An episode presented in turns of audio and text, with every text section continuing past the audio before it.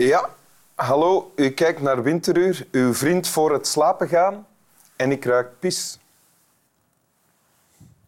Ineens. Dus ofwel heeft er iemand echt... Ofwel kondigt er zich een uh, migraineaanval aan, dat kan ook. Of een epileptische aanval. Dat heb ik nog nooit gehad. Maar ja, dat kan altijd. Het is al wel eens gebeurd dat iemand mij vroeg of ik epilepsie had uh, toen ik aan het dansen was geweest. Maar het gaat natuurlijk niet over mij. Voor de zoveelste keer gaat het niet over mij in mijn eigen programma, want we hebben weer al een gast.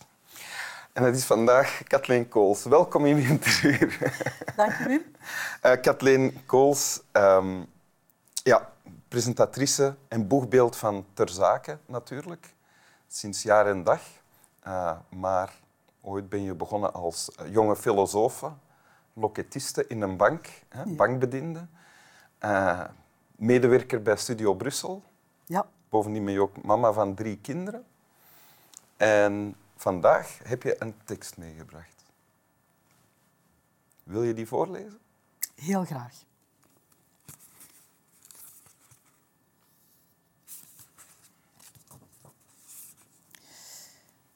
Er kwam een soort vreugde over hem, alsof die hem door een zomerwind werd ingeblazen.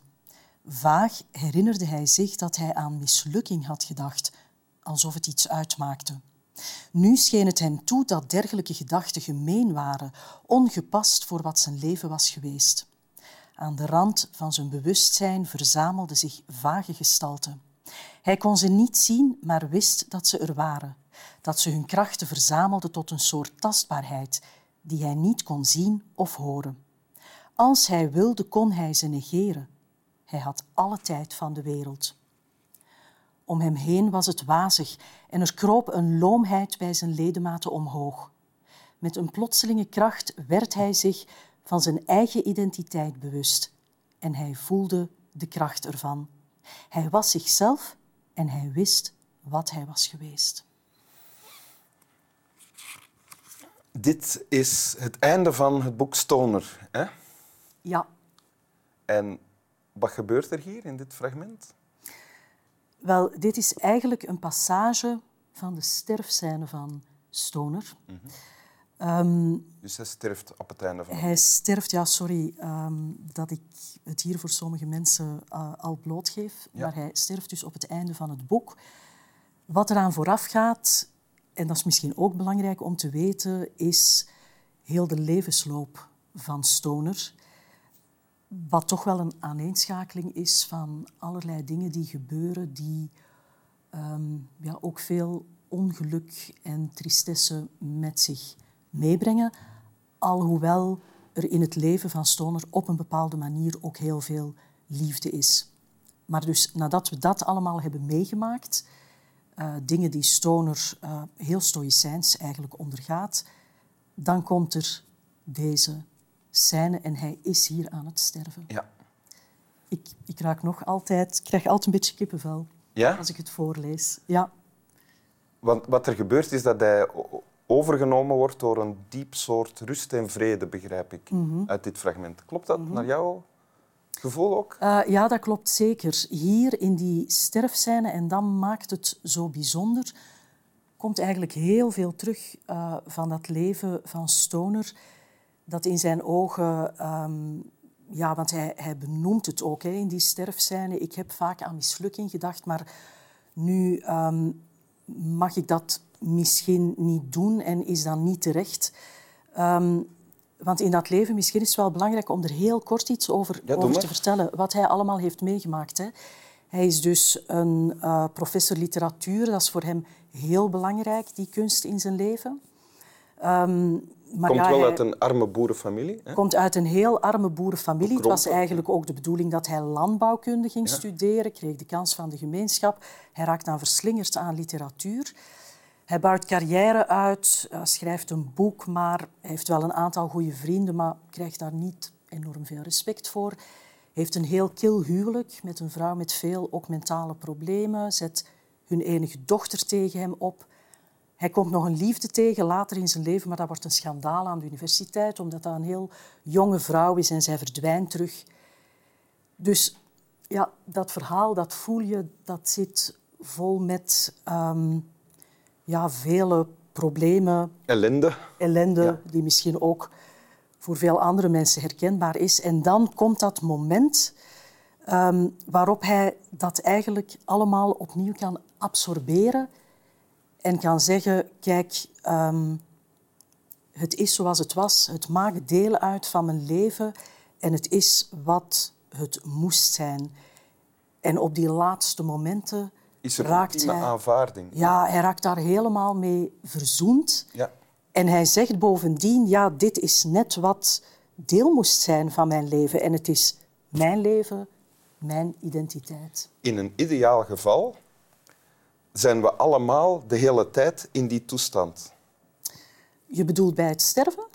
Nee, ook nog lang voor ons ja, sterven. Ja, um, ook dat nu. is, ja, dat is net het, het troostende, denk ik, uit heel die scène.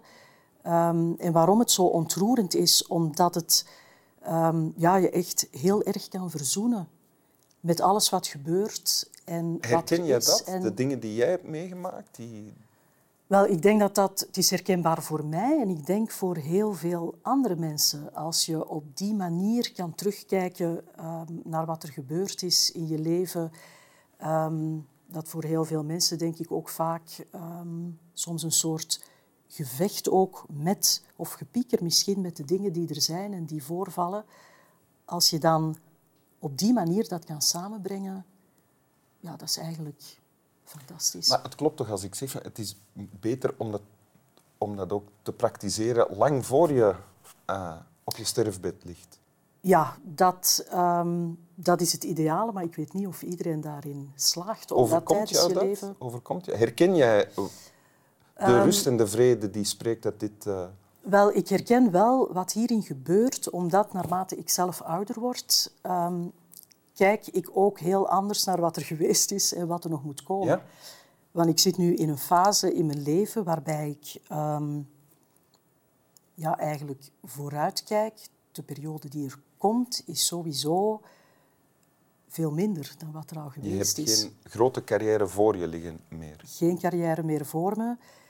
Ik weet, als ik een jaar of 30, 40 was, dat ik soms zei, ja, um, alles wat er geweest is tot nu toe, dat was fantastisch.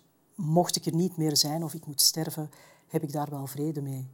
Ja, nu kijk ik daar natuurlijk heel anders naar. Op welke manier dan? Ja, dat ik toch wel graag zou hebben dat er nog een hele periode komt. Ah ja. Denk ik, zoals ja. veel mensen. Ja. En wat is, is, is, is er concreet iets veranderd in hoe jij nu dan naar je eigen bestaan kijkt en dat beleeft? Um, ik denk dat er nu al een periode is aangebroken van veel verzoening, waarbij je toch ook een oefening probeert te maken van wat er geweest is. En Verzoening waarmee? met de fase van mijn leven waarin ik zit, met datgene wat achter mij ligt, met datgene um, dat ik echt heel belangrijk vind op dit moment. Om Waar je je bewust te ervan... geven. Ja, ja. Ja, um, vroeger um, kon ik veel meer ook bezig zijn met alles wat er hier en nu is. Bijvoorbeeld loopbaan, um, dingen die ik soms uitstelde, waarvan ik dacht, dat komt nog wel. Wat nu telt, is dat allemaal. Wat, wat stel je nu niet meer uit? Heel concreet bijvoorbeeld um, dat ik um, probeer mijn ouders um, zoveel mogelijk te zien. Die nog allebei leven? Die nog allebei leven, samen zijn, ook nog thuis wonen in het ouderlijke huis waar ik ben opgegroeid. En ik heb het gevoel, ook in deze heel vervelende corona-omstandigheden die het voor heel veel mensen heel lastig maken, maar dat mij dat toch ook extra tijd met hen geeft op een veel intensere manier. En dat probeer ik echt vast te houden en te doen. Ik probeer hen zo vaak mogelijk te zien. Ah, ja. En doe je dan ook dingen met hen?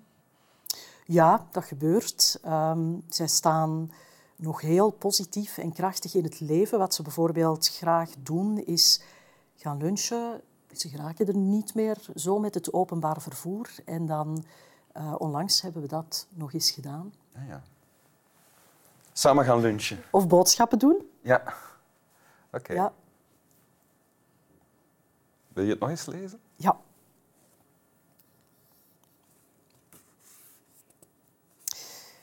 Er kwam een soort vreugde over hem, alsof die hem door een zomerwind werd ingeblazen. Vaag herinnerde hij zich dat hij aan mislukking had gedacht, alsof het iets uitmaakte. Nu scheen het hem toe dat dergelijke gedachten gemeen waren, ongepast voor wat zijn leven was geweest. Aan de rand van zijn bewustzijn verzamelden zich vage gestalten. Hij kon ze niet zien, maar wist dat ze er waren, dat ze hun krachten verzamelden tot een soort tastbaarheid die hij niet kon zien of horen. Als hij wilde, kon hij ze negeren. Hij had alle tijd van de wereld. Om hem heen was het wazig en er kroop een loomheid bij zijn ledematen omhoog. Met een plotselinge kracht werd hij zich van zijn eigen identiteit bewust en hij voelde de kracht ervan. Hij was zichzelf en hij wist wat hij was geweest. Dank u. Slaap wel.